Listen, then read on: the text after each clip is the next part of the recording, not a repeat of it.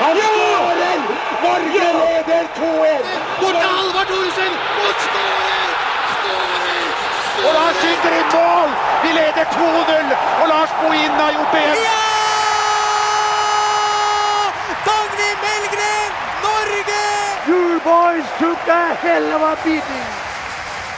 Hei på deg, og velkommen til en ny utgave av eh, Podball, NFFs egen uh, podkast. Dette er episode 12, spilt inn eh, 20. april. Og i denne episoden skal vi snakke om en yrkesgruppe som mange vil hevde er mer utskjelt enn noen annen, nemlig dommere. Og da er det veldig hyggelig å ønske velkommen til en av våre unge, lovende dommere. Anders eh, Bodding, du er 21 år, dømmer for eh, Haga. Velkommen til Podball. Jo, takk for det. Du har eh, akkurat vært i aksjon i første runde i NM. Hvem dømte du, og hvordan gikk det? Jeg dømte Gjelleråsen mot uh, Ullkisa. Uh, det gikk uh, veldig greit. Fin kamp, uh, god arena og fine rammer rundt. Og så var eh, dommersjefen, mannen som sitter ved din side, Terje Hauge, på plass for å, eh, for å se på. Var han flink, Terje? Eh, Anders var utrolig flink. Eh, Full kampkontroll. eh, Tok tak i kampen. Blåste frisparken i de første 20 minuttene. Og slapp spillerne litt til etter hvert. Og spillerne respekterte lista du har, og frisparklista var meget god. Det ble en god fotballkamp. Eh, Ullensaker Kisa vant fortjent 3-0, men Anders hadde som sagt full kontroll i den fotballkampen. Ja, Veldig bra, Anders. Det her høres ut som sånn terningkast seks-match for, for deg som dommer. Og, du dømmer altså da i Post Nordligaen i annendivisjon til, eh, til vanlig. Så fortsetter vi gjesterunden her. Bertil Valderhaug. Eh, lyst til å si dommer, men eh, du sitter her både som, eh, som dommer, men eh, du er altså redaktør for sportssamarbeidet til Aftenposten og en del andre regionaviser. Men du har, eh, du har en dommerkarriere, du òg. Fortell.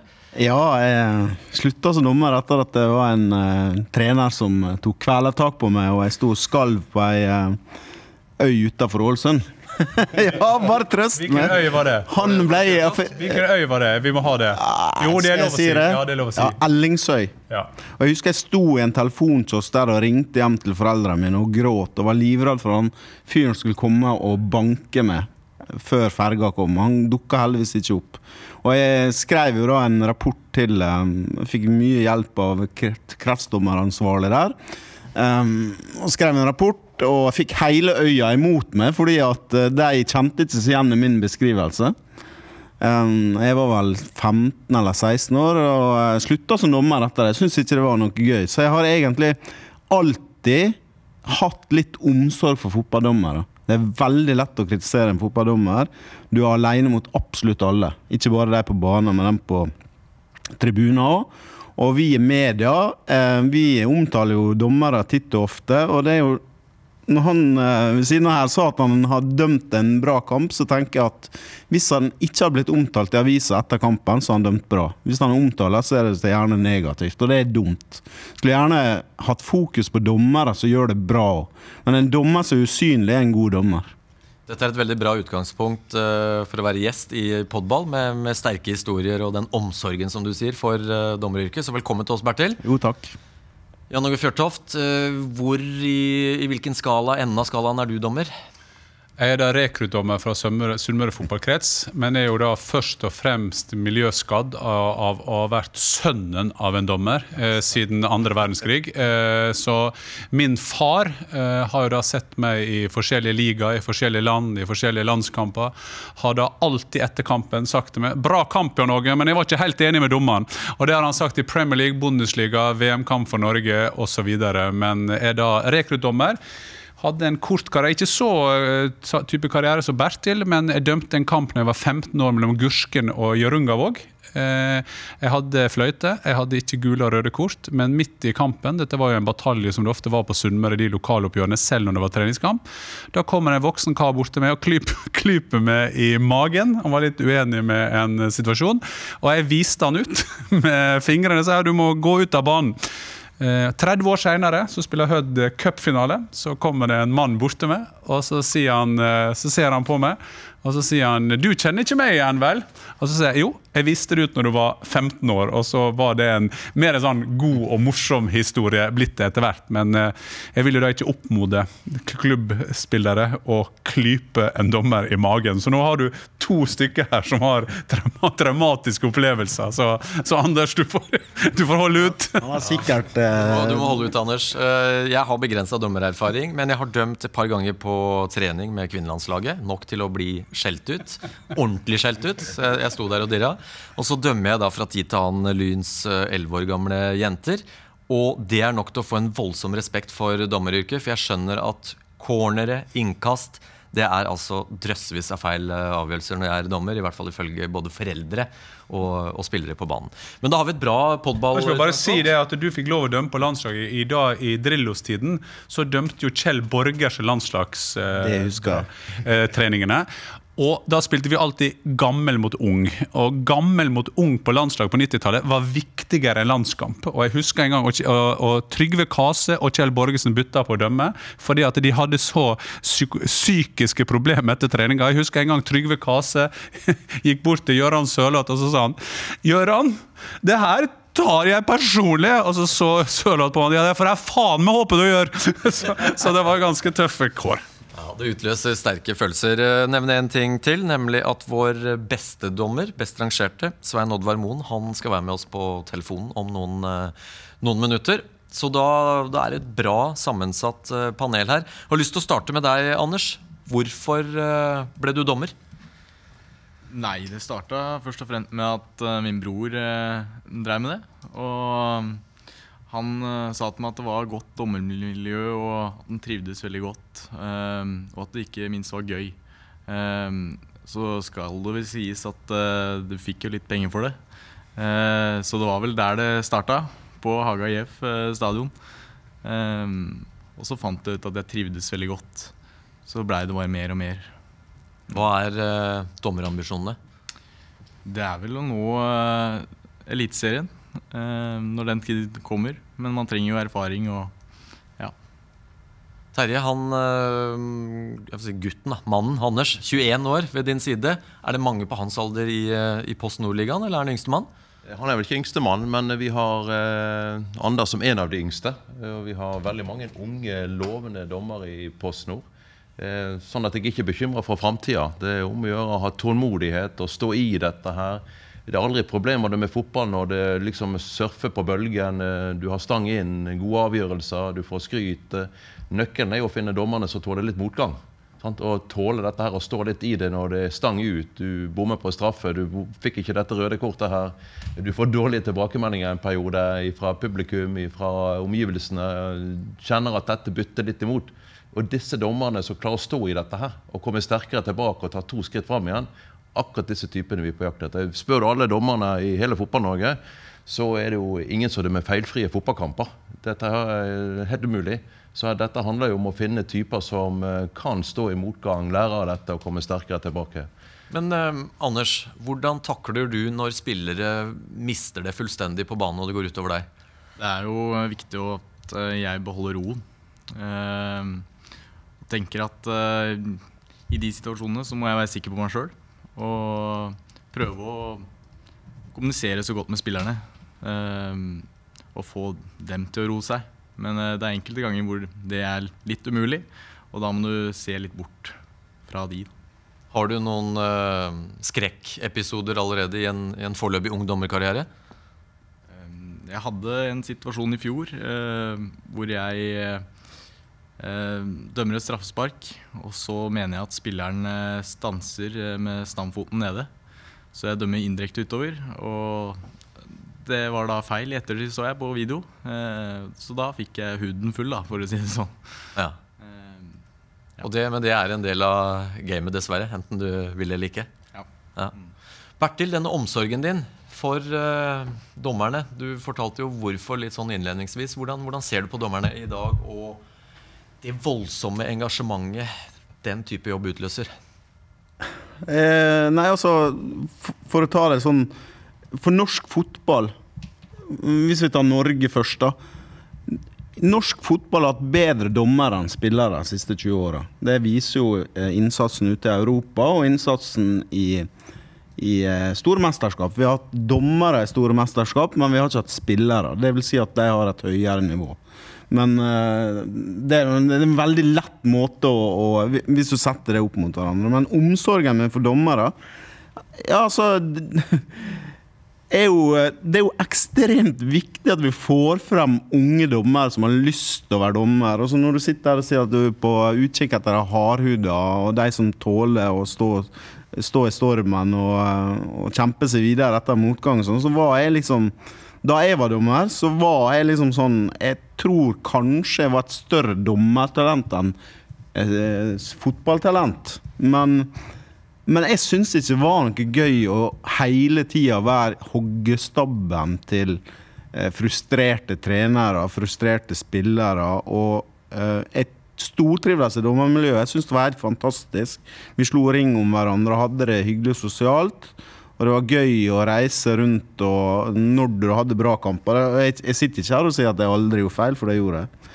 Eh, men, eh, men jeg, når da straffa for en fyr som tar kvelertak på en dommer ikke er annet enn at han får en irettesettelse, da bare tok jeg sånn strategisk valg. Det gidder jeg ikke mer.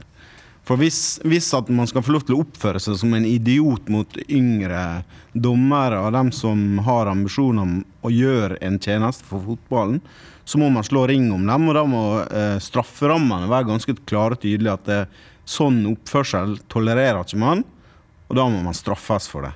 En fotballspiller som har en stygg takling, kan jo få ti kamper, men en trener som tar kvelertak på en dommer, får bare en irettesettelse og får lov å trene neste gang, det syns jeg er håpløst. Så det var grunnen til at jeg bare Det gadd ikke være med på. Ja, Norge, har vi for liten respekt for dommerne? Da tenker jeg på spillere og trenere. Det er et interessant spørsmål, for det er jo litt sånn rolledefinisjon. Altså, jeg har jo sittet i Champions League-studio og vært kritisk mot Terje. Jeg eh, jeg har analysert uh, straffesituasjoner på Stamford Bridge herfra til månen knallhardt. Uh, som var, Vi kommer fram til at det skulle vært tre straffer. Men, men, uansett, og jeg har vært ute på banen der, ikke minst. Altså, jeg har gått og prata med dommeren uh, hele min karriere. Jeg har opplevd i forskjellige ligaer forskjellige typer kulturer på hvordan dommerne er. hvor man kanskje I England så var det mer sånn, da gikk dommerne var ganske interessant, for dommerne gikk, de, de For det første visste de alltid navnet ditt, og så pratet de med oss hele tiden. Jeg husker Hvis jeg kunne score, hvis jeg har skåret, så kunne du great, 'Great goal, Jan', kunne de si. Og så kunne han løpe forbi en dommer og så si 'unlucky'. Altså den type ting, Og så kom du til Tyskland, og hvis du nesten bare så på dommeren, så fikk du uh, gult eller rødt kort. Så jeg, jeg tipper det handler om uh, Jeg tror at det er så Anders skal nå inn i denne karrieren sin. Det virker som her er det type fadderordninger som helt sikkert er viktig for å ta vare på dommere. Jeg tror det er nok av dommere ute der. Jeg, som sagt, jeg har en far på 75 som fortsatt uh, dømmer. Jeg tror at det, de er glade for hvis at de kunne vært fadder for, for den type, som det helt sikkert ordninger. Så Jeg, jeg, tror det handler om ledelsen du gjør der ute. Altså De dommerne eh, som skal markere seg, eh, og med kroppsspråk og den type ting, det tror ikke, eh, det tror ikke får den største respekten. For, eh, og En av de beste dommerne de beste dommerne sett, og det har vi hatt mange gode i Norge også, som Terje er en av de, det er de der som bare er helt rolig. Jeg husker Colin alltid, han kom ruslende bort til en spiller, og så tok han opp gule kort, og så visste han, og så la han det ned igjen, og så gikk han derfra, istedenfor de dommerne som kanskje løper 25 meter, og du ser ut som at det, det, er nesten så at de får en seksuell opplevelse av å gi det kortet. Da tror jeg at du mister litt respekten for dommeren.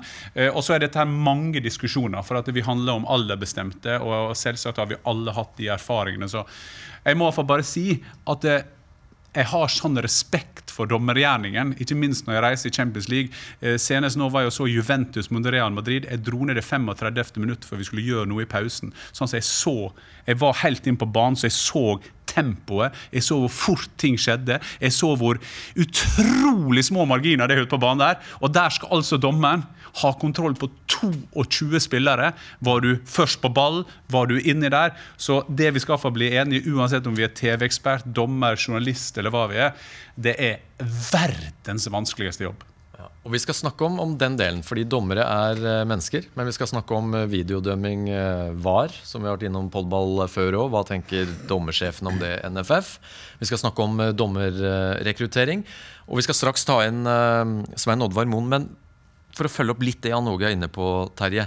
Det enkleste en trener på toppnivå kan gjøre etter et tap, det er jo å snakke om hvor, eh, hvor dårlig dommeren var, og trekke fram noen situasjoner. Og så ser vi gjentatte ganger at vi kan se både tre og fire episoder, eh, repriser av eh, offside-situasjoner. Og så går treneren ut og sier at det er en skandale at han ikke så, så den offsiden. Og på fjerde gangs eh, reprise så er vi fortsatt usikre på om det er offside eller ikke. Har vi kunstige forventninger til, til dommerne? Bare litt tilbake til det Jan Åge sier her. eh, Kamplederegenskaper. Det er jo noe som vi har hatt stor fokus på de siste årene. her da. Dette her med å kommunisere med spillerne, få med oss spillerne, snakke underveis. eh, Og igjen være ydmyk også når det måtte være nødvendig ute på banen. Og sette foten ned når det måtte være nødvendig. Sånn at vi har mer og mer fokus på dette her med lederegenskaper ute på banen. På hvordan vi skal håndtere de forskjellige settinger, håndtere de forskjellige typer spillere og håndtere de forskjellige ledere og trenere i forkant og under og etter fotballkamper. Og når det gjelder casen du tar opp her nå, ja. Vi kan sitte hver mandag og se på video, reprise 1, 2, 3, 4, og det er skandaler her. Vi må jo omtale dette her at dette her er ikke en skandale. Dette her er litt av spillet. Dette her er noe vi alle må forholde oss til. Men vi har en oppfattelse ja, at noen ganger så eh, går dette på agendaen for å ta vekk oppmerksomhet fra laget, fra spillerne, fra egne prestasjoner for å ta fokuset på dommeren. Men dette er litt av det vi må bare forholde oss. Vi pleier å la dette stille gå forbi, og så har vi fokus på neste oppgaver og neste kamper vi skal dømme. Jeg tror det handler om kommunikasjon og ledelse. Det er to nøkkelordene. Også etter kamp. Jeg tror at det, Hvis en dommer kommer ut etterpå og sier jeg dømte på det jeg så. Det er på en måte en avvæpnende kommentar. Fordi at eh, Da har du dømt, og det er ingen som kan eh, si noe på det. Jeg dømte på det jeg sa. Hvis fire repriser viser at det var feil, så må du holde hånda oppe. Og der Jeg så en undersøkelse når de har undersøkt offside. Altså hvor ofte en linjedommer internasjonalt får eh, gjør riktig. Og det er jo helt latterlig bra. Det er helt sykt hvor bra de tallene er. Der altså linjedommeren tar riktig. Det må snakke om en vanskelig jobb. Du skal vite når ballen blir slått. Passiv, aktiv. Det var helt amazing tall for linjedommerne. Hva tenker du Bertil, om eh, dommere som begår feil? Eh, noen rekker opp hendene etterpå og forteller hvilken vurdering de gjorde og hvorfor det ble feil. Andre har ikke så lyst til å eh, snakke om det. Hadde man tjent på å ha enda større grad av åpenhet? Eh, ja, men samtidig så er det ikke alltid at de er helt sikre sjøl. Og vi ser jo nå Nå har jo TV 2 uh, Premier, uh, Premier League en, dom, en eh, tidligere toppdommer eh, fra England i studio der. Og eh, de kan jo sitte og diskutere enkeltsituasjoner og se det fra 100 forskjellige vinkler og diskutere i ti minutter, og du vet ikke om det er riktig eller feil, da, da tenker jeg at når en dommer kommer ut fra garderoben, det koker rundt han, og han vet ikke om hva er riktig, og sånn, har ikke fått snakka med observatører og sånn, så skjønner jeg godt at jeg trenger å tenke som. om. Men hvis det er helt åpenbart, og en dommer vet her har jeg gjort feil, så er det bare å si det. Altså, øh, øh, det er sånn- si, det er menneskelig å feile, guddommelig å tilgi. Og da tenker jeg at hvis man innrømmer feil, så, så kommer man seg eh, greiere videre. Hvis det er åpenbare feil. Og så skal vi ikke forgripe diskusjonen vi skal ha rundt VAR. da, for det, det, det handler jo også om skjønn. Så Det er jo derfor vi er så uenige om ting. for vi, altså Øynene våre, opplevelsene, erfaringene våre gjør jo at vi vurderer en situasjon eh, annerledes. Og Jeg satt jo i tre år i Sky Germany sammen med Markus Merk. Og, eh, og vi, vi, Det gikk jo ikke an å være absolutt. For det, det, det er skjønnvurderinger. og Nå skal ikke vi begynne med VAR-diskusjonen helt ennå. Anders, nå skal vi ringe en dommerkollega av deg som har kommet seg opp og frem. Svein eh, Oddvar Moen. Så kanskje han har noen råd og vink til deg, og kanskje noen tanker om hvordan vi skal få eh, enda flere norske dommere opp på et godt internasjonalt nivå. La oss eh, ringe Svein Oddvar. Svein Oddvar, Hei, Svein Oddvar. Dette er også Svein. Svein Graff, Hei. NFF. Hei. Går det bra? Det går veldig fint, og med deg? Jo, det går bra. Nå er du altså da direkte med i vår eh, podball, som handler om dommere. Her sitter Anders Bodding, ung dommer fra Haga, 21 år. Her sitter dommersjefen Terje Hauge. Og så sitter Bertil Valderhaug her, sportsredaktør for Aftenposten og diverse samarbeidsaviser. Og så sitter Jan Åge Fjørtoft og jeg her. Du, aller først et uh, råd til Anders som er med oss. Ung, uh, ung dommer som vil opp og frem. Han dømmer i Post Nord-ligaen. Hva, Hva er det viktigste suksesskriteriet for å bli en god internasjonal dommer? Eh, Jeg tenker det å være dedikert nok, det å bruke nok tid, eh, det å prioritere godt eh, og det å være interessert. Eh, Får vi de tingene på plass, så kommer en veldig langt. Hører du det, Anders? Gode råd? Ja, det er det. Ja, det er bra. Eh, vi har også snakka her, eller ulike mm, historier, hvor tøft det er å være mm, dommer. Hvordan har du jobba for å stenge den verste kritikken ute uten å bli påvirka av det? Ja, jeg tror jo, eh, jeg har jo alltid hatt det sånn at dette med sosiale medier har jo jeg eh, alltid holdt meg vekk ifra. Fordi at eh, en, det er en påvirkning og det, det er en press som ligger i mange sånne typer caser.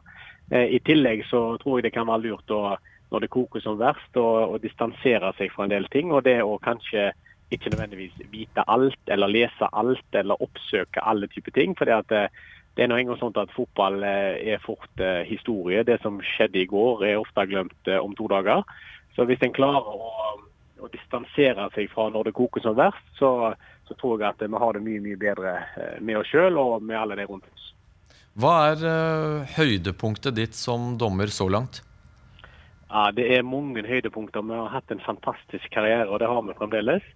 Eh, EM var eh, stort, selv om det var en liten nedtur for oss. Så var det en fantastisk opplevelse. Eh, vi har eh, masse masse kjekke ting, men den aller største opplevelsen min det var min første cupfinale. Det var, det var vendepunkt i min karriere, og det var, det var fantastisk. Det, det er noe en unner alle mine kollegaer å oppleve. Hva, hva tenker du om eh, din karriere videre? Det skal jo fryktelig lite til før man eh, ikke er helt der oppe og får eh, dømme det, det ypperste. Jeg tenker på VM, EM, Champions League, finaler, semifinaler osv. Hva, hva er ambisjonene dine videre? Nei, ambisjonen er eh, det å stå på videre. Det, og vi har, eh, det er som sagt eh, Eliteserien som er bread and butter for oss. Det er der vi skal levere, det er der vi skal utvikle oss og det er der vi skal prestere helg etter helg. Og så er det den internasjonale biten som er kanskje en sånn rosin i pølsa underveis. Men så vet vi eh, og det har vi jo følt på kroppen, at det er veldig, små marginer som, som skiller det å være best fra det å være nest best. Nå har vi vært best, og vi har følt på å være nest best, og så skal vi jobbe knallhardt for å, eh, bli best igjen. og det er det bare vi sjøl som kan gjøre noe med. Vi må bare prestere og prestere og unngå å komme i situasjoner som gjør at vi gjør feil. For alt dreier seg om rett og galt, og hvis en kan unngå å gjøre feil, så er vi plutselig i et godt selskap igjen. Hva blir eh, neste match for deg nå som dommer? Ja, Nå har vi gleder vi oss til å reise til Bergen i morgen. Da er det Brann Stabæk. Det blir en eh, fin, fin kamp. Eh, Eliteserien eh, er kommet godt i gang, og og vi gleder oss til å, å være med på den kampen. Det er bra. Og så er det sånn at Denne podballepisoden er spilt inn 20. april, så hvis dere som hører på nå lurer på hvorfor vi ikke spør Svein Oddvar da, om mye rare avgjørelser, så er det at for det første at han skal få lov til å dømme først. Og vi er fortsatt på 20. april. Masse lykke til, Svein Oddvar. Tusen hjertelig takk for det. Ja, Anders, her var jo uh, vår beste dommer som snakka om hvordan uh, han jobber. Uh, hvordan trener du for å bli en god dommer, utover å dømme kamper? Det er veldig mye på det å egenevaluere egne kamper. Se gjerne klipp og finne ut hva du gjør feil, og veldig hvorfor du gjør feil. Og selvfølgelig riktig òg. Ta med deg det, og ja. Og, og så får du konkrete tilbakemeldinger gjør du det, fra type dommerobservatører som er ute og ser deg, sånn som Terje var nå? Ja. Mm. Får vi konkrete tilbakemeldinger og um, uh, Dommersamlinger har dere kanskje av og til? og- ja. Ja. Det er, jo det er jo utrolig viktig at gutter som Anders og uh, alle som ligger i samme kategori eh, dommertalenter, det er at de har, uh, har eierforhold til egen utvikling. Dette her At de er oppe på tærne, de har ansvar for egen utvikling. De klarer å evaluere sine egne prestasjoner etterpå. De lytter, tar tilbakemelding. De gjerne justerer litt på eh, hvordan de håndterer kampene ute på banen i forhold til kommunikasjon, eh, håndtering av enkeltsituasjoner, bevegelse, plasseringer, vinkler, at slike ting. At man har ansvar for egen utvikling. Det er utrolig viktig. Og eh, når vi er ute gjerne som veileder, så er det ikke sånn at vi eh, forteller hva som var rett og galt. Vi stiller spørsmål. Hva er du fornøyd med her i dag?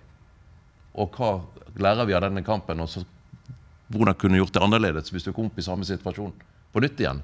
Så vi prøver hele tiden å stille spørsmål, vi prøver hele tiden å være coacher fremfor å være en observatør eller en sensor som forteller hva er rett og galt, slik at alle våre dommere lærer seg til å ja, egenevaluere sine egne prestasjoner. Så eh, Anders var flink her den dagen, og ja, det lover bra. Hva med fysiske krav, Anders? Hvor god form må man være for å dømme? Er det helt konkrete krav til hvor fort du må løpe, f.eks.? Ja, vi har jo eh, løpetester eh, to ganger i året. Eh, så konkret eh, hvor langt det er Da vet kanskje dommersjefen. Altså, disse fysiske testene det består av intervalltester. Sant? Med at man løper 75 meter, går 25 meter 40 ganger. Og så kan man bare gange opp. Og så har man hurtige tester man også skal under 6 sekunder på 40-meteren.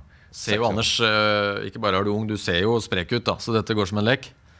Ja, det gjorde jo det sist gang. Ja, det er bra. Det er lov å si det. Altså, vi har jo sett dommere når vi har vokst opp. Eh, Bertil og jeg har jo vår store favorittdommer gjennom alle tider. Uten at vi har avklart det, og jeg er helt sikker på at Terje Hauge kjenner han. Det var jo Robert Iversen. Ja, nettopp. Han var, han var min sensor. Robert Iversen, eh, helt fantastisk fyr. Og eh, for å si det sånn eh, Anders, du ser mye bedre ut til å ta de testene. Er det mange på tampen av dommerkarrieren som, som uh, sliter med å komme under kravet, Terje? Ja, bare litt sånn litt tilbake til igjen til Jan Åge. Det, det er alt til sin tid. Ja. Før var det mer altså, den typen som Ja. var kampledd. De sto på midtsirkelen. Mm. Og gjorde det bra. Og gjorde det bra. Ja. og Var det krav i hele tatt? Fysiske Ja. krav? Men så er det sånn at internasjonal fotball stiller større krav. Skal vi ha norske dommer ute internasjonalt, så må vi stille krav. Og så går dette bare ringvirkninger ned i hele vårt system. Og så blir det helt andre typer man ser etter. Kampledere man ser etter. Og den fysiske biten må bare være på plass skal vi ta det oppover til norsk toppfotball. Så tidene forandrer seg. Fotball forandrer seg, og uh, spillertyper forandrer seg. Som igjen, dommertyper forandrer seg. Den gangen var det vel 3000 meter, var ikke det? da? Da var det 3000 Cooper-test. Du Cooper-test, Ja, det var det Cooper. Du løp 12 minutter, så så vi hvor langt du kom. Ja, sånn var det, ja. Så var det i forhold til alderen din. Sånn. Under 30 år 3000 meter. Og Ja. Over 30 år var det 2007, husker jeg, og, og så videre. Det var den årlige telefonen fra min far som sa det. Ja, 'Nå har jeg nettopp gjort testen. Cooper-testen. Ja, 'Hvor langt kom du i år, da?' 'Nei, jeg klarte det akkurat.' Alltid akkurat. Jeg husker jo far til Jan Åge som dommer. Var- Terje Fjørtoft. Ja, da, han, han, han, han, han, han hadde vondt i kneet. Altid. Så hadde han sånn, eh, eh, sånn bandasjegreie rundt det ene kneet, og så sprang han litt sånn.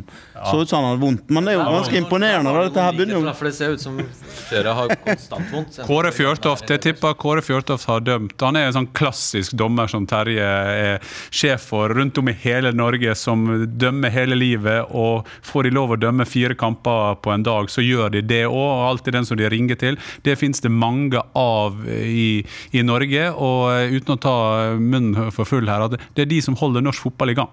De som, eh, som gjør de jobbene. I går dømte han en ny kamp, og så var det korøvelse, og så er det sikkert en ny kamp i dag. Hvem var ditt for, dommerforbilde da du eh, bestemte deg for at Når jeg, du gikk, skulle eh, satse? når jeg var ungdom og gikk på Brann stadion og så på fotballkamper her, så husker jeg Einar Halle var alltid mitt store forbilde. Rival. Han eh, full kontroll, eh, gikk ned i knærne og var konsentrert og sto i ro og observerte. og eh, ja, Det var liksom Einar Halle. Så husker jeg kom på første fagsamling på Elitedommerne. Skulle jeg hente nøkkel i resepsjonen, og så jammen sant når jeg kom på rommet Eina Halle. Og jeg skalv i heisen og var på vei oppover til fjerde etasje og skulle inn på rommet med Einar Halle. Og da husker jeg Einar Halle tok godt imot meg. Sitte ned her, Terje. Det er første samlingen. Én ting er sikkert. Du har én munn, to ører, du holder kjeft denne samlingen. Og så åpner du munnen på samling to. Så det var et godt råd, og her sitter jeg i dag. Sant? Så ja. Hvordan står det til med dommerrekruttering i, i Norge? Jeg vil si at det står meget bra til med dommerrekruttering. Vi rekrutterer ca. 1000 dommere hvert eneste år. Og så mister vi da igjen si 950 dommere. Så vi stiger med ca. 50 dommere hvert år. Vi ligger rett under 3000 år. Vi har gått liksom fra 2006 opp til nesten 3000. Vi har stor fokus på jenterekruttering. Og vi hadde vel 110 jenter for tre år siden. I dag er vi oppe i 170 jenter. Er, vi skal ha enda flere.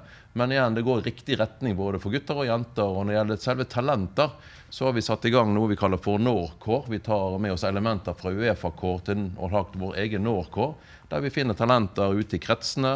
Eh, Trinn 1, så kommer de til Norway Cup. Trinn 2, så skal de ha på trinn 3. Da leter vi etter kandidater til NFF og Post Nord Inn i Post Nord så er det Norcore 4, trinn 4. Så kommer man opp til Obos, trinn 5. Og så kommer vi opp til Eliteserien vi leter etter internasjonal fotball, som blir trinn 6. Så vi har laget oss en, en, en trappetrinn her. Og det betyr ikke at man må være i Norcor for å bli toppdommer, men det er i hvert fall en mulighet til at vi kartlegger de bedre. Og de får masse påfyll, og, og de som tar dette til seg, de har en fantastisk mulighet. Og Anders her så sitter en av gutta som er inne i dette systemet. Og så nevner du jentene, og morsomt, fordi første runde NM menn, matchen med, med Ranheim, så var det kvinnelig kvartett. Ja, Helt fantastisk. Eh, Fire jenter. Dette er historisk. Vi har vel aldri hatt kamper der alle fire har vært eh, jenter. Så de klarte seg veldig bra. og eh, Det er litt et historisk eh, blikk. og I forbindelse med dette med heimebane, så er dette tema for tiden. Jenter i forhold til trenerrolle, dommerrolle. Og det er klart når Vi ser, eh, vi håper jo at en dag så har vi en kvinnelig dommer som dømmer Eliteserien. Og vi skal gjøre alt vi kan for å tilrettelegge for at det skal lykkes. Det er vel din eh, kollega i Tyskland, Bibba, er ikke det Bibba heter? Hun dømmer jo tyske Bundesligaen og gjør det veldig godt der. Og det er ingen, det er jo ingen grunn til at uh, ei jente ikke skal være like god som en mann å dømme. Nei. Altså Kanskje snarere tvert imot, vil jeg Nei, vi, eh, vi skal åpne døra for den muligheten, men vi må stille samme krav til jentene og kvinnene som vi stiller til guttene. Og Da er ofte dette med fysiske krav som gjerne er utfordringen. og Da handler det om å kartlegge og finne de rette jentene som har disse egenskapene. Så fikk jeg litt jerntappe for første gang i podball, så her må vi gjøre Fikk du jernteppe? Skal vi gjøre stopp? Nå har altså Svein Graff fått jernteppe, så nå fortsetter vi med episode 12. Vi prater om dommere, og jeg gir da ordet til vår programleder, kommunikasjonssjef i NFF, Svein Graff. Vær så god. Takk. Nå kommer jeg på Jeg har en sånn plan i hodet, skjønner du. Og nå har vi akkurat gjort en annen podballinnspilling, så jeg, jeg skylder på det. Men det var det jeg skulle snakke om. Bredden kontra toppnivå. Du sa før vi gikk på, Terje, at det å dømme i barne- og ungdomsfotballen, og det du opplever der, det kan være vel så tøft som det Jeg vil påstå at de første to årene som dommer er de tøffeste årene. Da er du gjerne aleine. Og eh, må forholde deg til eh, nye omgivelser. Eh, alt er nytt for deg. Eh, samtidig så har du foreldre på sidelinja som eh, har et stort engasjement. Og noen ganger vipper det over til at det blir veldig ubehagelig og utrygt for dommeren ute på banen. Og eh, Norsk fotball gjør virkelig noe med dette her i forhold til fair play, i forhold til kvalitetsklubb, eh, arrangementer, eh, kampverter. Så ting blir bedre og bedre. Jeg har jobbet i Hordaland fotballkrets i 15 år, og samtidig her inne i og jeg bare ser at ting blir bedre, men vi må liksom ikke gi opp med tilrettelegging for at arrangementene i barnefotball, ungdomsfotball, kan bli enda bedre. Og da igjen dette her med at vi har gjerne 20 foreldre, og så er det én forelder her som eh, vipper over. Og da må vi ha noen som sier ifra og pikker dem på skulderen. Hallo, hallo. Det er ikke sånn vi skal opptre på sidelinjen som representanter for denne klubben her. Så det gjøres mye ute på banen, men igjen, vanskelig å være dommer når du er 13-14-15-16 år, helt fersk og ny. Da igjen, ta godt vare på de der ute. Og igjen, mange klubber er flinke. Vi har jo noen foreldrevettregler som vi prøver å kommunisere titt og ofte. og det er jo sånn at Foreldrene skal stå på motsatt side av der trenerne er, så ikke det er ti trenere som plutselig skal henvende seg til dommeren. Men det er litt for ofte Bertil, at foreldre mister hodet, rett og slett. Ja, både i eh, breddefotballen og i toppfotballen. Jeg husker jeg var så eh, Det begynner å bli en fem-seks år siden. Men jeg var så en treningskamp mellom Vålerenga og Strømsgodset. Da det var en Strømsgodset-supporter som hadde med seg en unge og sto og skreik. og både mot eh, motspillere og dommertrio og alt sånn. En del ord som eh, da eh, jeg syns var Det er ganske ubehagelig å stå og høre på. Og så tenker jeg Hvis du som foreldre skal være forbilde for barna dine og stå og skrike og, og brøle ut alle de skjellsordene du kan finne på, så blir det litt sånn jeg, tror det, jeg tror i dag kontra for 20-30 år siden da, så er det mye mindre aksept for å skjelle ut medspillere, motspillere, dommer enn hva det var den gangen. For nå kan du dokumentere alt nesten på sosiale medier. Alle kamper filmes. Det er mye lettere å bli oppdaga hvis du oppfører deg eh, som en drittsekk, enn det det var for 30 år siden. Da kunne man eh, og, det- og det tror jeg er til et fordel for eh, yngre dommere. Når, er, når du er å dømme i en uh, gutte-12-kamp, og da er det gjerne sånn at det står folk med mobilkamera og alt sånt, og er det en stygg takling eller en dommer som blir tatt kvelertak på, da, for eksempel, så er på, så er det ute med en gang. Godt poeng. Så eh, jeg tror det mm, eh, Jeg tror vi går en lysere tid i møte med, mm, for dommere nå enn for 30 år siden. Jeg tror, det, jeg tror så må vi bare huske på noe som nå er midt imellom det vi prater om. Nå prater vi om alderbestemte, og så prater vi la vi si, for å ta for Post Nord oppover, da, når det begynner å bli profesjonalisert. Men det er mye mellom der. Eh, og eh, Jeg kommer jo fra Sunnmøre, og eh, vi, jeg husker jo hatoppgjørene mellom Larsnes og Gursken. Og vi skal til Larsnes stadion på 70-tallet en gang. Det er 2-2. Det er to minutter igjen av kampen. Eh, og jeg skal ikke si navnet på dommeren, det er for det er dårlig gjort. Men dommeren dømmer da først eh, eh, straffe til Gursken. Eh, hele Larsnes kommunesenterets lag kommer løpende mot dommeren, og dommeren står superstressa blant elleve gule spillere, snur seg rundt og dømmer frispark til Larsnes. Da kommer det elleve røde fra Gursken rundt denne stakkars dommeren, og jeg husker han var så liten, han var så liten akkurat der. Og så ender han opp med å dømme straffe. Nei, unnskyld, indirekte frispark til Gursken. Det var det som var snakk om. Eh, og så skåra Gursken, og vi vinner 3-2. Og dette er før mobiltelefonstid. Og jeg husker når jeg dro fra Larsnes stadion den gangen, så så jeg bakvinduet. Og der så jeg altså kommunens fremste menn. Jeg hadde sånn her sagt sokneprest, ordfører, rektor og dalstrøka utafor. Og da hang De hadde tatt dommeren og satt han opp til veggen. Eh, og det har liksom brent seg sånn i minnet. Nå er det en god historie. Det var helt sikkert ikke så hyggelig for den dommeren den gangen.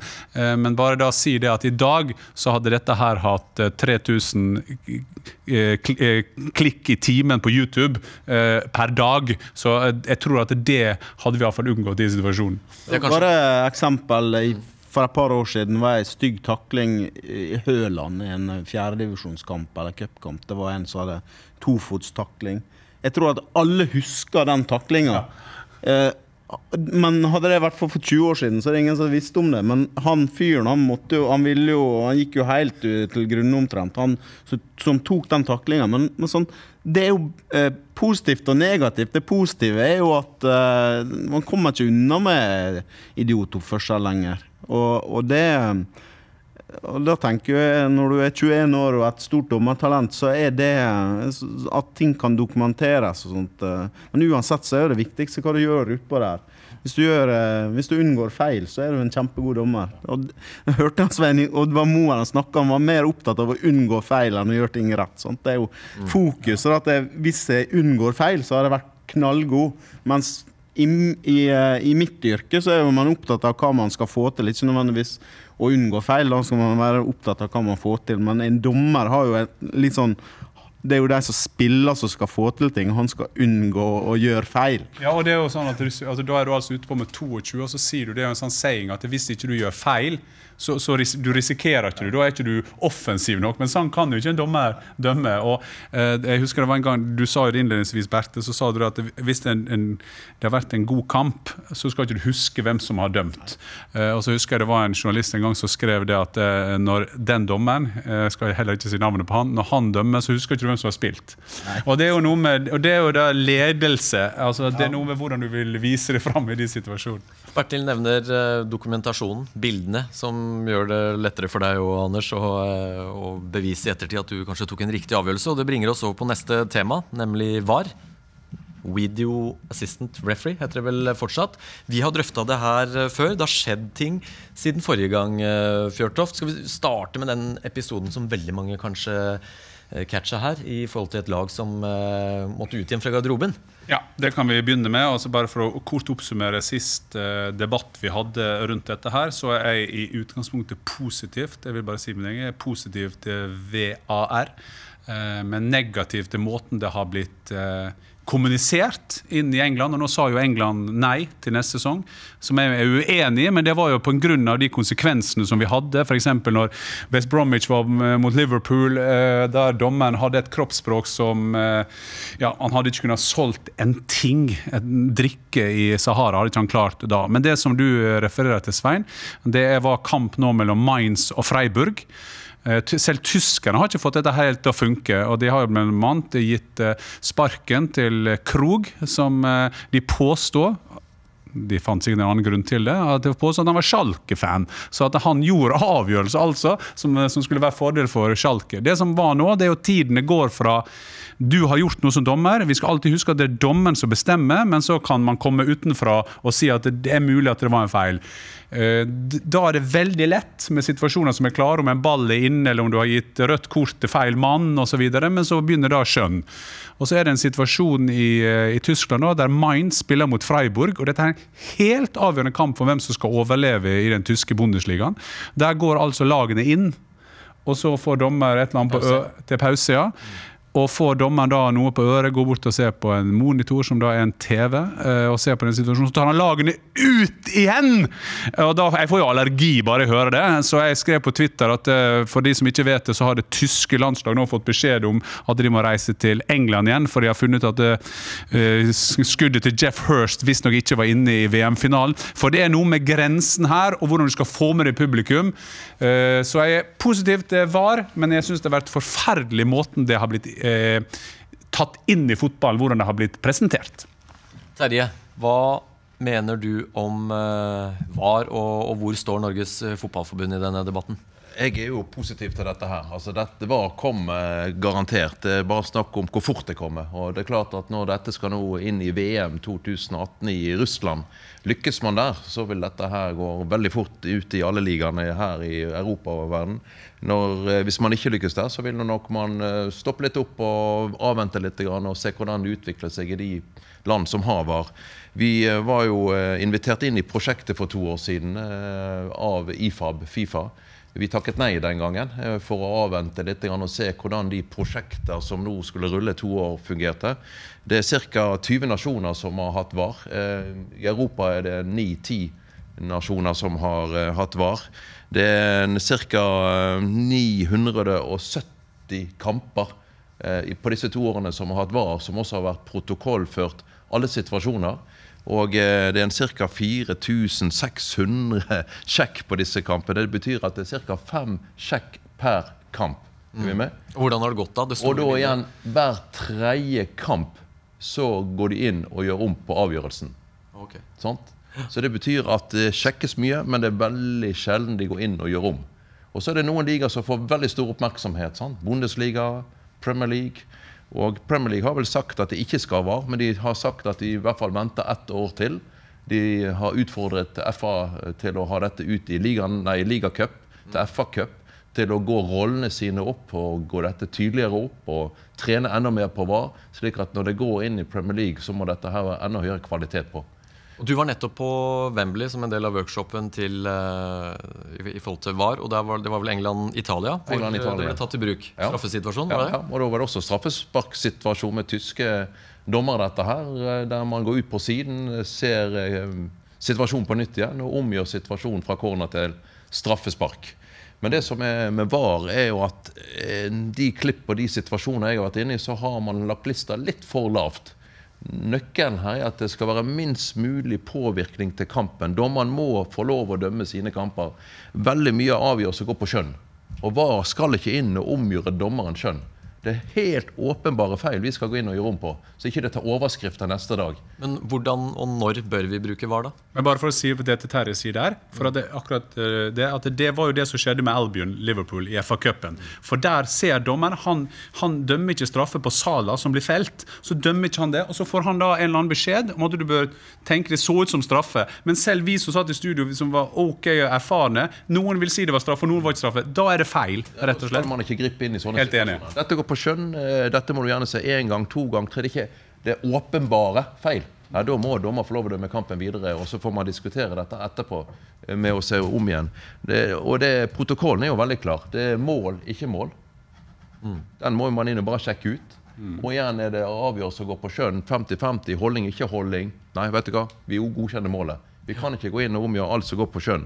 Straffe, ikke straffe må vi inn og bare sjekke ut. Og så er det dette her med direkte røde kort.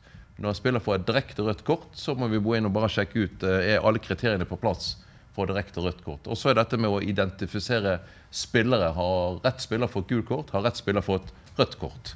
Hvordan eh, tenker du, Anders, I dag er det jo radiokommunikasjon mellom dommerne. Jeg vet ikke om dere bruker det i, i Post Nord? Nei, der har vi ikke noe headset. Hva med NM første runde Nei, ikke der heller. Nei. Men hva tenker du om å skulle måtte stoppe opp og forholde deg til eh, at man skal se på, på bilder osv.? Du, er ikke- du er ikke redd for å bli arbeidsledig i fremtida? Nei. Eh, jeg er også positivt innstilt til eh, VAR, men eh, det må jo være som Terje sier, eh, ikke på de kjønnsavgjørelsene. Nei. Der er det jo dommeren som eh, skal ta avgjørelsene. Og mm, ja, på minst mulig stopp i spillet, da. Få det til å rulle, liksom. Og det har jo vært litt utfordringa så langt, eh, Bertil, at det har gått fryktelig lang tid i noen episoder før man Ja, jeg husker med skrekk og gru. Vårt lag i England, Tottenham, Ja. Tottenham Rochdale. Da snødde det i tillegg, sånn så de sto der hytra og frøs og venta på dommeren som sto der og hadde dårlig connection og sånn. Det var en parodi. Uh, men så tenker jeg jo England er jo kanskje det mest konservative landet i verden. Og så nesten like konservativ som Norge var når det gjaldt glassfiberski, eh, V-stil, klappskøyter alt. Kvinner i idretten, som ikke var lov i 52. Mot fellesstart, mot alt. Men, men eh, utgangspunktet må være at fotball skal være rettferdig. Hvis det er utgangspunktet, så er jeg veldig for VAR. Og så må det løses på en enklest mulig måte. Men det er jo bare å snu tida litt tilbake og så tenke på fotball-VM i 2010. Da Frank, Frank Lampard skåra mot Tyskland. Ballen var en halv meter over streken. Eh, og det ble ikke skåring. Nå har man det. Har fått på plass mållinjeteknologien, som er kjempebra. Det er veldig lett å se ballen over streken eller ikke. Og i Champions League, da, når da eh, City leder 1-0 mot Liverpool og skårer rett før pause og går opp til 2-0, eh, og det eh, blir underkjent Det var en skåring, for det kom jo fra en Liverpool-spiller. Der diskuterer, Dette er en skjønnsdiskusjon. for at Jeg har også sett dommere som forklarte at det var, det var en ny situasjon. og Når ballen går sånn flipperspillet ned, da er ikke det en ny situasjon. Men det, er, fra ja, men det er ikke en, en klar, tydelig regel her. Den situasjonen har jeg faktisk ikke. For han, for han treffer han bare sånn, og så går han tilbake. Men, men uansett så blir det blir ja, men, men, men det er et godt poeng. Men det som jeg vil bare lov å si, det er at det, vi må det er det som jeg er mest redd for, og det som jeg er mest redd for når vi kommer inn i VM, der du har dommere fra hele verden, at det er en forskjellig kultur. En, en norsk dommer, jeg velger å tro det, en skandinavisk dommer, fornuftige dommere vil gå ut og si at hvis noen sier at vet du hva, vi tror du har tatt feil, da sier du ja. Det, jeg er ikke sikker på at alle kulturer er, har den type. Det er punkt nummer én. Punkt nummer to som jeg er mest skeptisk til altså Jeg er for VAR, jeg sier det igjen. Det er det at jeg er redd for å ta brukt feil, så tar det vekk mye av autoriteten til dommeren. For at nå ser dommeren usikker ut. Han som sto, på, han som sto og gjorde sånn hele tiden på Anfield. Til slutt så syns de nesten synd i han. Alle spillerne løp rundt han. Og siste poenget som jeg vil ta inn i, i nå, det er det at det, man sammenligner litt med amerikansk fotball. Og så sier han Hvorfor kan ikke vi gjøre det bare sånn som i amerikansk fotball? eh, At det kommer på en skjerm, dommeren har en mikrofon og sier det utover hele stadion. Men det går ikke an å sammenligne alle idretter. For American football det går an å måle. Har du kommet over streken eller ikke over streken? I fotball kan et feil idømt innkast avgjøre VM-finalen i fotball. Og det, må, det er veldig viktig å huske at vi er noe annet. Og så ser jeg det at de har sagt at det, ja, men det er helt fantastisk, for at kampene varer ikke lenger. Nei, det er jo for at ikke de velger på Vi målte det som eh, på eh, Liverpool eh, West Bromwich Albion. Der så de lagt til ni minutter. Jeg tror de la til tre minutter. Altså, så så da, ja, da kan de si etterpå nei, kampen varte ikke noe lenger. Nei, for vi har spilt for lite fotball! Vi har stått og diskutert han dommerens kroppsspråk, så jeg er redd man tar vekk autoriteten til dommeren. Men jeg er overbevist på at med trening, eh, med rollebeskrivelser, eh, med protokollbeskrivelser, du gjør dette om igjen og om igjen, så jeg, dette kommer til å bli et fantastisk Dette kommer. Jeg er helt sikker på det. Også i Norge, på øverste Ja, ja, og, Når kommer det i Norge, da?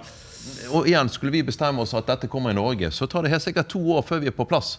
Dette handler om å trene i hvert fall ett år med offline, og gjøre alle rollene trygge og gode, og det fungerer teknisk, før vi gjerne går ut og trener litt, og før vi igjen kan implementere dette i toppfotball. Så neste år kanskje på, i januar, når man er på sånne turneringer i Spania, så kanskje det kan være en måte å trene på? Det kan være måltrene. I hvert fall så har, vil Norges Fotballforbund tatt initiativ, ha møte med alle partnerne som er involvert i norsk toppfotball, og så må jo vi for alle sammen ta et eierforhold til dette her. At vi alle er enige om hvor fort skal dette implementeres i norsk fotball, og eh, hvem tar ansvar for hva.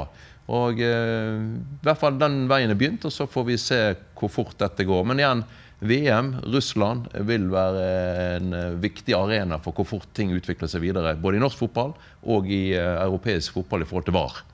jeg tror jo at om ti år så sitter vi og flirer av at vi diskuterte det. Eh, Jeg husker da jeg gikk på medieutdanning av Volda, så snakka man om at man kunne se fotball på en telefon. Da flira vi veldig godt da òg. Det var helt håpløst å tenke seg. Altså, vi går over en tid der kunstig intelligens blir ekstremt avgjørende, og da tror jeg også at fotballen sakte, men sikkert De diskuterte jo veldig den mållinjeteknologien òg. Ja, men det var jo umulig, for det på enkelte arenaer var ikke mulig. Og så nå er det overalt. Så uh, man vil jo Og så tenker jeg det er så ekstremt mye penger inne i bildet her. Det er en liten feil som er helt åpenbar kan da eh, bety 150 millioner der eller 150 millioner der.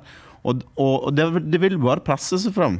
Selv om vi kan sitte og være sånn negative. Og akkurat det trumfer Jan Åge, kanskje eh, det folk sier er eh, sjarmerende med at, at det er mennesker, og at vi må leve med noen Ja, feil. ja, ja. Altså Disse helt avgjørende øyeblikkene når så mye står på spill. Men vi må aldri gå i den pendelargumentasjonen. Enten så er du for var, eller så er du mot var. Det som vi er imot, det er måten det blir utført på. For det, det er klart at det teknologien skal gå der. Jeg bare understreker at vi får aldri Aldri får vi en helt rettferdig resultat i en kamp. For det er så mange episoder som skjer, at så skal vi gjøre færrest mulig feil. Det er det, vi er ute etter. For innkast eller en holdning på midtbanen, fordelsparagrafen. Så derfor må vi styrke autoriteten til dommeren gjennom å gjøre det riktig som Terje er inne på, at det må trenes på. Men de åpenbare feil som tar overskrifter, skal vi luke vekk.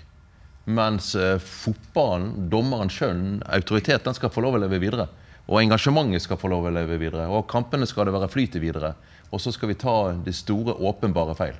Og da igjen, vi trenger trening, erfaring, trening, og da må vi finne en arena å trene på. Og kanskje ikke i morgen vi skal ut i Eliteserien, men dette er litt lengre vei å gå. Jeg har bare et spørsmål til Terje. Sånn, når du ser tilbake på din egen karriere, er det enkelte situasjoner du kunne ha tenkt Å, tenk hvis vi hadde hatt Ja, VAR her nå. Det skal jeg love deg. Ja. Det skal jeg love deg. Mange ganger jeg har tenkt nå skulle jeg gjerne hatt bilder. Ja. Nå skulle jeg gjerne hatt bilder for å være helt sikker på at du lukter lange veier i forhold til spillernes reaksjon, publikums reaksjon. Dette her er kontroversielt. Her er jeg med å avgjøre fotballkamper, og det vil jo man helst ikke. Så hadde jeg bare fått titt på bilder her, så kunne jeg gått inn og Jeg tenker jo at For en dommer så må det være mye mer som Du vil være tryggere og roligere for at du vet at her er det mulig å, å, å se på ettertid, hvis jeg tar en avgjørelse. Rundt rødt kort, da. Sistemann, f.eks. Ja, ja. Og så si at OK, her tar vi 20 sekunder, og så ser vi om det er tilfelle, eller er det filming. Men jeg vil være djevelens advokat igjen, for det igjen er det sistemann er kjønn. For at det er sistemann, er det målsjanse, alle de tingene der. Så jeg jeg er enig, vi må ha en klar bok, en instruksjon på hvordan dette her skal brukes. Da er det klart en superfordel for en dommer å ha det der på øret. Eh, Men eh, fram til vi får det, så da er jeg helt enig med dommersjefen at da, da må dette her trenes på, og så må det kommuniseres til fotballpublikum at dette her, det blir aldri rettferdig. Fordi at det, det kommer fortsatt å være dommere som gjør feil, eh, og da kan vi gjerne se det på 100 mulige måter, eh, men det var det han så. Og vi kan ikke kline alt. Du er inne på noe veldig viktig. Dette med informasjon ut til både publikummere, til fotballfan, til klubbene, til lederne. Slik at alle forstår at VAR skal ikke plukke vekk alle avgjørelser. Kampene må få leve, dommerne må få dømme, skjønnet må få leve. Men vi skal ta vekk overskriftene, de store feilene som påvirker kamputvalget. Vi kunne snakket uh, timevis om uh, VAR. Vi kommer helt sikkert innom temaet igjen. Men du nevnte VM i Russland, Terje. Og hvis vi tar for oss de ypperste arenaene, Champions League-finalen, VM, EM um, Ingen nordmenn skal til VM. Det skal heller ingen dommere fra Premier League. Hva skal til for å få de største øyeblikkene som, som dommer? Det må jo være vanvittig tøff konkurranse her. Ja, Det er vanvittig tøff konkurranse. og Vi hørte jo Svein Oddvar eh, snakke litt her i sted om sin karriere, som har vært det øverste. Han har ennå mål om å komme ett skritt tilbake igjen til Champions League og toppklasse. Dette er beinhardt arbeid. Det er dyktige dommere der ute. Flinke dommere, dedikerte dommere. Har prestert godt over tid, og nøkkelen er prestasjoner over tid på øverste klasse. Og, Hvordan eh, fungerer utvelgelsen? Utvelgelsen er jo eh, gjennom Uefa sin dommerkomité med Colina som sjef, der det er veileder og observatører på plass i alle kampene. Eh, selv om det er veiledere ute på alle kampene, så er det nok slik at eh, ledelsen i Uefa, dvs. Si dommerkomité med Colina, ser nok alle kampene, alle kontroversielle avgjørelser, og henter disse inn, dommerne, til både mesterskap Og igjen prøve de ut både på tester og eh, diverse diverse før de, hentet, før de får prøve seg på de øverste hyllene. Så dette er en lang vei. Det er tålmodighet, og det er gjerne to ting. Det er prestasjoner på banen, og så må du være type og dedikert til dette her, som Svein Oddvar er litt inne på her. Og kommer du fra Norge, så er det ingen umulig oppgave å komme til Champions League og til sluttspill, men veien er litt lengre. Og Det betyr at vi må lete etter litt yngre dommere for at vi vet veien blir bare litt lengre. Kommer du fra England, Spania, Italia, du dømmer store ligakamper hver eneste helg, så er det klart at du kommer gjerne ut som 35-40-åring og går rett inn i Champions League. Men vi må gjerne ha fem, seks, syv år internasjonal fotball før vi banker på døren til internasjonal toppnivå. Hvordan syns du sesonginnledningen har vært i Eliteserien, toppserien her hjemme? Altså, Jeg er fornøyd med våre dommere. Det jeg er veldig fornøyd med, er at våre unge dommere, neste generasjon, eh, tar arenaen, etablerer seg her og dømmer jevnt godt fotball. Og de rutinerte dommerne vi har, det er gode kampledere, gode forbilder, og igjen også oppå på tærne og leverer god fotball. Selvfølgelig er det alltid en enkel situasjon, det er straffespark, men dette her vil alltid, det vil alltid være slik. Det er å prøve å unngå selvfølgelig i hver kamp at man ikke påvirker resultatet. Så Med en gang man gjerne i en 1-0-0-0-kamp, straffesparksituasjon, skulle være straffe, så blir jo selvfølgelig dommeravgjørelsene diskutert. Men det skal love deg at eh, alle som er i Eliteserien, Obos-ligaen, NFF toppfotball, gjør eh, et godt, grundig forarbeid, kommer godt forberedt til hver eneste fotballkamp. Og eh, kampen lever sitt eget liv. Og så er det slik at man gjør alt man kan for å unngå å påvirke kamputfallet. Noen kamper har det vært, men jeg er veldig godt fornøyd med prestasjonene så langt. Anders, hva er de vanskeligste situasjonene for deg som dommer? Uh, det er eh, egentlig hvor det er mye spillere rundt. Vanskelig å få vinkel, vanskelig å få innsyn. Um, innenfor straffefeltet er også som regel de vanskeligste avgjørelsene. Um, ja, det kommer an på innsyn egentlig, og vinkel, hvor det er mye mennesker rundt. Krever, krever innsyn i norsk idrett, så det har jo man drevet nå med to år for å kreve enda mer. Nei, altså for, eh, for meg er jeg jo gammeldags, som legger merke til. Så det, fotball, vi i fotballen er jo per definisjon gammeldags. Altså, jeg sier jo alltid linjedommer. Det kommer vi alltid til å si. Jeg vet helt noe annet, men det er linjedommer. Men eh, jeg, for meg handler det om kampledelse, og da diskuterer jeg mye hvordan jeg så det som spiller. Eh, jeg mener at dommerne i England hadde den måten de, de kommuniserte med oss. Jeg tror det er en viktig måte å kommunisere, og så er det mange måter å kommunisere på. Det gjør man med kroppsspråk kroppsspråk. Det gjør man med hvordan man sier humør er kommunikasjon. Eh, jeg hadde jo, jeg hadde jo en, eh, Når du er spiss internasjonalt, så lærer du noen triks. Eh, noen vil kalle det 20-triks, men du lærer noen triks. Jeg hadde jo dommere som kom til meg i England så sier han, for at jeg hadde sånn, Hvis jeg fikk et oppspill, så måtte jeg prøve å holde midtstopperen litt unna meg, så da tok jeg litt tak i drakta. Sånn, så at jeg fikk opp oppspill, så slapp jeg alltid når, når ballene kom. F.eks. med Colin Henry. Jeg husker jeg skårte, da sto jeg så snudde jeg rundt og så snudde han rundt med drakta hans, og så slapp jeg akkurat når Du fikk da innsyn som dommer, men da hadde dommere som kom bort til meg og så sier Jan, I want you to stop doing what you're doing. Og så sier jeg What am I doing? I don't know, but stop doing it. uh, det, men da, da, er det sånn forståelse. En annen gang vi var på, på Stanford Bridge, uh, da skulle vi spille mot Erland Johnsen, som var min romkamerat på landslaget. Det var Swindon mot Chelsea på Stanford Bridge i Premier League. Det var en dommer med langt, lyst hår. Jeg husker ikke navnet hans. Det var en, sånn, uh, en veldig populær dommer i England på den tiden. Så har jeg bestemt meg for at jeg ikke skulle, skulle prate med Erland. Jeg skulle være veldig veldig konsentrert, for han skulle jo da markere meg i denne kampen. Men så etter det 27 minutter så måtte jeg prate med han, for da kom det en mossekropp på nesten 100 kg gjennom kroppen min og endte opp på meg. Og så kom dommeren bort til oss, og så sier han Hey, you Norwegian, sier han til meg. Get up! Get up! Og så sier jeg du holde kjeften din, sier jeg. For det eneste jeg vet du gjør, det er å dra til Norge og gå etter damene våre. Så begynte dommerne å storle. Uh, og hadde vi gjort det i Tyskland, I swear to God, så har jeg fått sjuk utestengelse. Så, så, det går det på det humøret og måten du kommuniserer på. Og jeg er jo veldig glad for det Anders sier her i dag, at han, den innstillinga han har til dommeryrket når jeg hører at Terje har vært og sett han i, i, i cupen, og da vet jeg at det, det, fungerer, den type fadderordning. og Da gleder jeg meg til når Anders, når jeg skal se det i Champions League. Når jeg skal være like stolt av når jeg har sett Svein Oddvar Moen har kommet med sitt team i Champions League. For det er noe stolthet. Og, og Terje har dømt Champions League-finale. Fantastiske eh, achievements for, for, norske utøvere. Jeg tror at vi alle skal bidra med å heve statusen til eh, dommer. Og så har vi lov å være sinte eh, der og da. Apropos statusen, jeg har jo en sønn på eh, 13, snart 14. Han oppdaga i fjor at eh, du kunne få betalt for å dømme. Så da det var litt sånn. Du sunnmøring, Det var vel det du sa, Anders. Ja. Da gikk det opp et lys for han, så han skal dømme i morgen på Lyns Hvor mye eh, får man for det, da? Snakker vi 200-300 kroner, eh, Terje? Ja, når man I barnefotball så er det vel opp til hver enkelt klubb å sette honorar. Ja. Men en 100-200 kroner i barnefotball Ja. det er gode lommepenger for Kilometergodtgjørelse, Han hadde husker noen eh, travle kvelder der.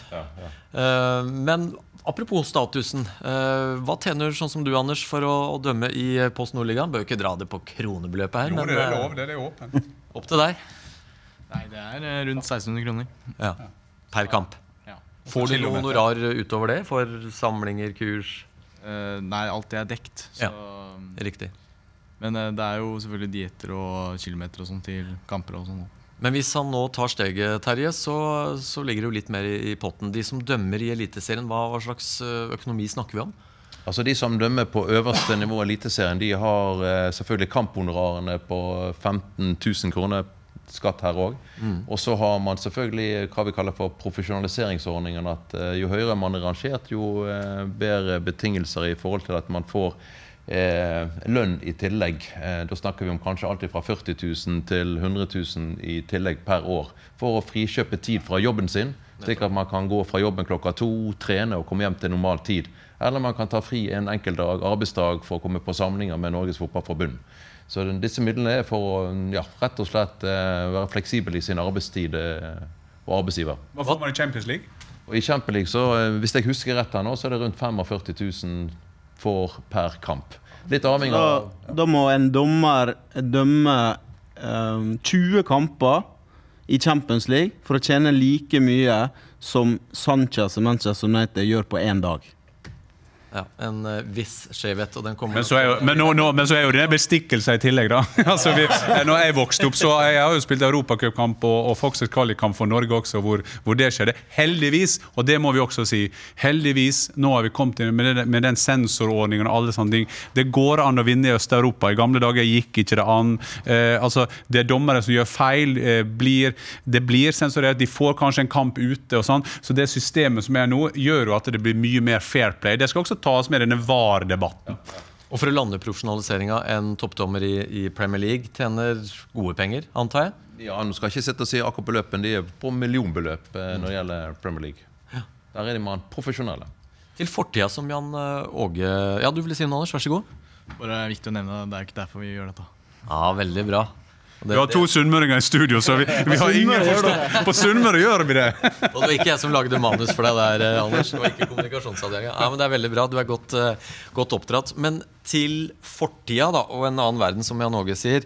Vi har jo grelle eksempler på at uh, fotballkamper og dommere lot seg kjøpe. Den tida er forbi. Den tid, Jeg skal ikke være naiv og si at den tid er forbi. Vi vet ved informasjon fra Uefa at ca. 200 kamper per sesong blir matchfikset. Påvirket. Og det vil ikke si at det er dommeren her, men det er påvirkning av spillere, påvirkning av eh, flere spillere. Også Og så er det gjerne ikke på det øverste nivået, det er kanskje nivå tre ute i disse forskjellige ligaene, som ikke får like mye oppmerksomhet. Så Uh, Her i norsk fotball gjør man et godt arbeid for å forebygge og informere. Men uh, vi må hele tiden være på vakt og være oppmerksom på ting som ikke er normalt. Og tenk nå når eh, det skal begynne å overføres sjettedivisjonskamper. Eh, da er ikke det langt unna at det blir satt odds på de tingene. Hvem er det som vet hvem som må jobbe overtid? Eh, Toppskåreren har meslinger. Altså, så, altså det, mye, det må vi passe på. Veldig viktig. Og det igjen så handler det Og jeg så jo Anders sine øyne når han hørte de tallene. Så du, du ser at det, det og Terje understreker det, man skal ikke være naiv. At det bare skjedde i, i gamle dager. Både i fotballen og i andre sporter. Og derfor vil etikk og moral alltid være en, en sentral overskrift. Ja da, Dette er noe vi hele tiden tar opp med våre dommere på alle typer nivåer i forhold til å rapportere inn. Er det, skjer det unormale ting, rapporter det inn. Du, dommer, har gjort jobben din. Det er jo sånn, Der det er penger, i hvert fall store penger, så er det også juks. Det ville være naivt å tro noe annet, og det kommer den til å fortsette å være. altså. Og, og da eh, Dommere eh, må bare prøve å unngå å la seg påvirke. Og så skal vi da si at Ellingsøya er en fantastisk fin øy, der mormora mi, Aslaug, kom fra. Veldig bra. Jeg har mange gode venner fra Ellingsøya, men eh, det var ingen som støtta meg da. Terje? Nei, jeg, jeg må bare få sagt en liten ting. Her i Norge har vi helt unik kommunikasjon med norsk toppfotball. Elite, altså klubben Eliteseriene, i Obos-ligaen, i Toppserien. Vi er på eh, tidligere La Manga, nå Marbella. Vi besøker klubbene. Vi har retningslinjer, vi diskuterer spilleregler. Årets retningslinjer. Vi kommer nær spillere, trenere. Vi har en helt unik nærhet og en møteplass med dem som gjør til at det er alltid er lettere å møte dem igjen på kampene. Og selvfølgelig, kampen lever sitt liv. Sitt engasjement, sine ytringer, sine meninger. Men når kameraet er slått av, lyset er slått av, vi møter spillere og trenere etterpå i gangene, så går det an å snakke sammen. Og det er helt unikt, og det er fantastisk, og det må vi ta vare på her i norsk fotball. Og så tror jeg faktisk det er og så vet jeg at balansen er der, men det er lov i kampen å være sint på dommeren. og det er lov, Men det er veldig veldig viktig at man da etter kampen så så tar man hverandre i hendene. Man er, og det er ordet som jeg hater mest, fotballfamilie. Men at man er en del eh, av det samme. Jeg hadde jo det da jeg var manager i Lillestrøm i fire-fem år. Jeg hadde jo helt klart mine episoder, og jeg dumma jo meg fullstendig ut i Bergen en gang eh, live på kamera. Men så tror du du må da ha evnen til å kunne ringe opp, skvære opp. Og, og det jeg opplevde den gangen da jeg dumma meg ut, det var jo det at da ble jeg møtt av en dommer som sa at vi skjønner det. Du dummer ut der. En annen gang er det vi som uh, dummer oss ut. Og jeg kunne jo sitte på Lillestrøm, for at det, NFF er jo så flinke. De sender jo ut uh, nå, skal ikke, nå i og med at Jeg skal ikke overdrive, da, men de sender ut x antall personer som skal passe på, og det selvsagt er det riktig. Så jeg satt foran en som eh, da var sånn kampobservatør, det gjorde noe annet. Og så satt uh, Kanarifansen og ropte alltid Vil du, 'Skal det være, skal det være', eller hva? 'Ja, for faen'. Og så skrev han en for hver faen, så skrev han ned et sånt lapp. Og til slutt så ble jeg så irritert for jeg var så nervøs, og så satt jeg og så, så på han og så sa jeg, du, vi tar 500 faen, vi, så er ferdig med det. Så slipper du å skrive. Ikke sant? Så det er noe med å respektere hverandres rolle, og så er det også viktig at man respekterer at i kampens hete så har man litt slekk. Og det tror jeg at vi har klart i Norge, fordi vi jobber så tett innpå hverandre. Vi møtes i alle sammenhenger, og det tror jeg er litt sånn selvregulerende. Ja. Kloke ord avslutningsvis fra Fjørtoft. Eh, tida går eh, alltid fort i godt eh, lag. Eh, Anders, masse lykke til med dommergjerningen. Jo, tusen takk. Kanskje blir det flere cuprunder. Det er vel han siden av deg som eh, kanskje er med på å avgjøre det. Vi får se. Takk også til deg, Terje. Tusen takk. Bertil, skal du gjøre noe comeback, comeback som dommer? Det var en svær turnering oppe på Kringsjø i helga. Der kan det bli behov for dommere. Blir du med? Jeg tror jeg holder meg unna. Jeg sitter godt i sofaen og på tribunen og dømmer. Så det holder. Sammen med mange andre 100 000 nordmenn, så det får det holde. Ja, det holder. Fjørtoft, du eh, skal få mene mye om dommere både i Champions League-sammenheng, i podball-sammenheng og kanskje en og annen dommergjerning også? Nei, jeg har gitt meg. Jeg ga meg på topp. Jeg har dømt sønnen min en gang, og en gang så prøvde de å dømme en hel kamp uten å bruke fløyta. Det gikk bra, det også. Da ordna spillerne det selv. Og Det syns jeg var litt morsomt å se, for det var ikke noen kontroversiell situasjon. Og jeg kom plutselig på et paradoks, Terje. For i morgen på Kringsjå så spiller min datter for Lyns uh, jenter 11-lag. Eh, og min sønn på 13 år skal dømme. Så jeg må nå hjem og sjekke oppsettet om uh, bror skal uh, dømme søster. For det er vel ikke innafor? Jo da, det er innenfor, innenfor denne aldersgruppen. Okay, jeg, har fått to, jeg har fått to gule kort av faren min. Så, uh, og da sa han etterpå Men vi var nødt til å gjøre det for å få en balanse i kampen. Jan Åge. Der hørte du, Cornelia. Du får gult kort av August i morgen. Takk skal dere ha, alle sammen. Lykke til med sesongen, som sagt, Anders. Du også, Terje. Og takk, takk til deg som hørte på. Sa jeg at dette var Podball episode 11, så var det episode 12. Beklager det. Men før du aner det, så er vi tilbake med en ny episode. Da nummer 13.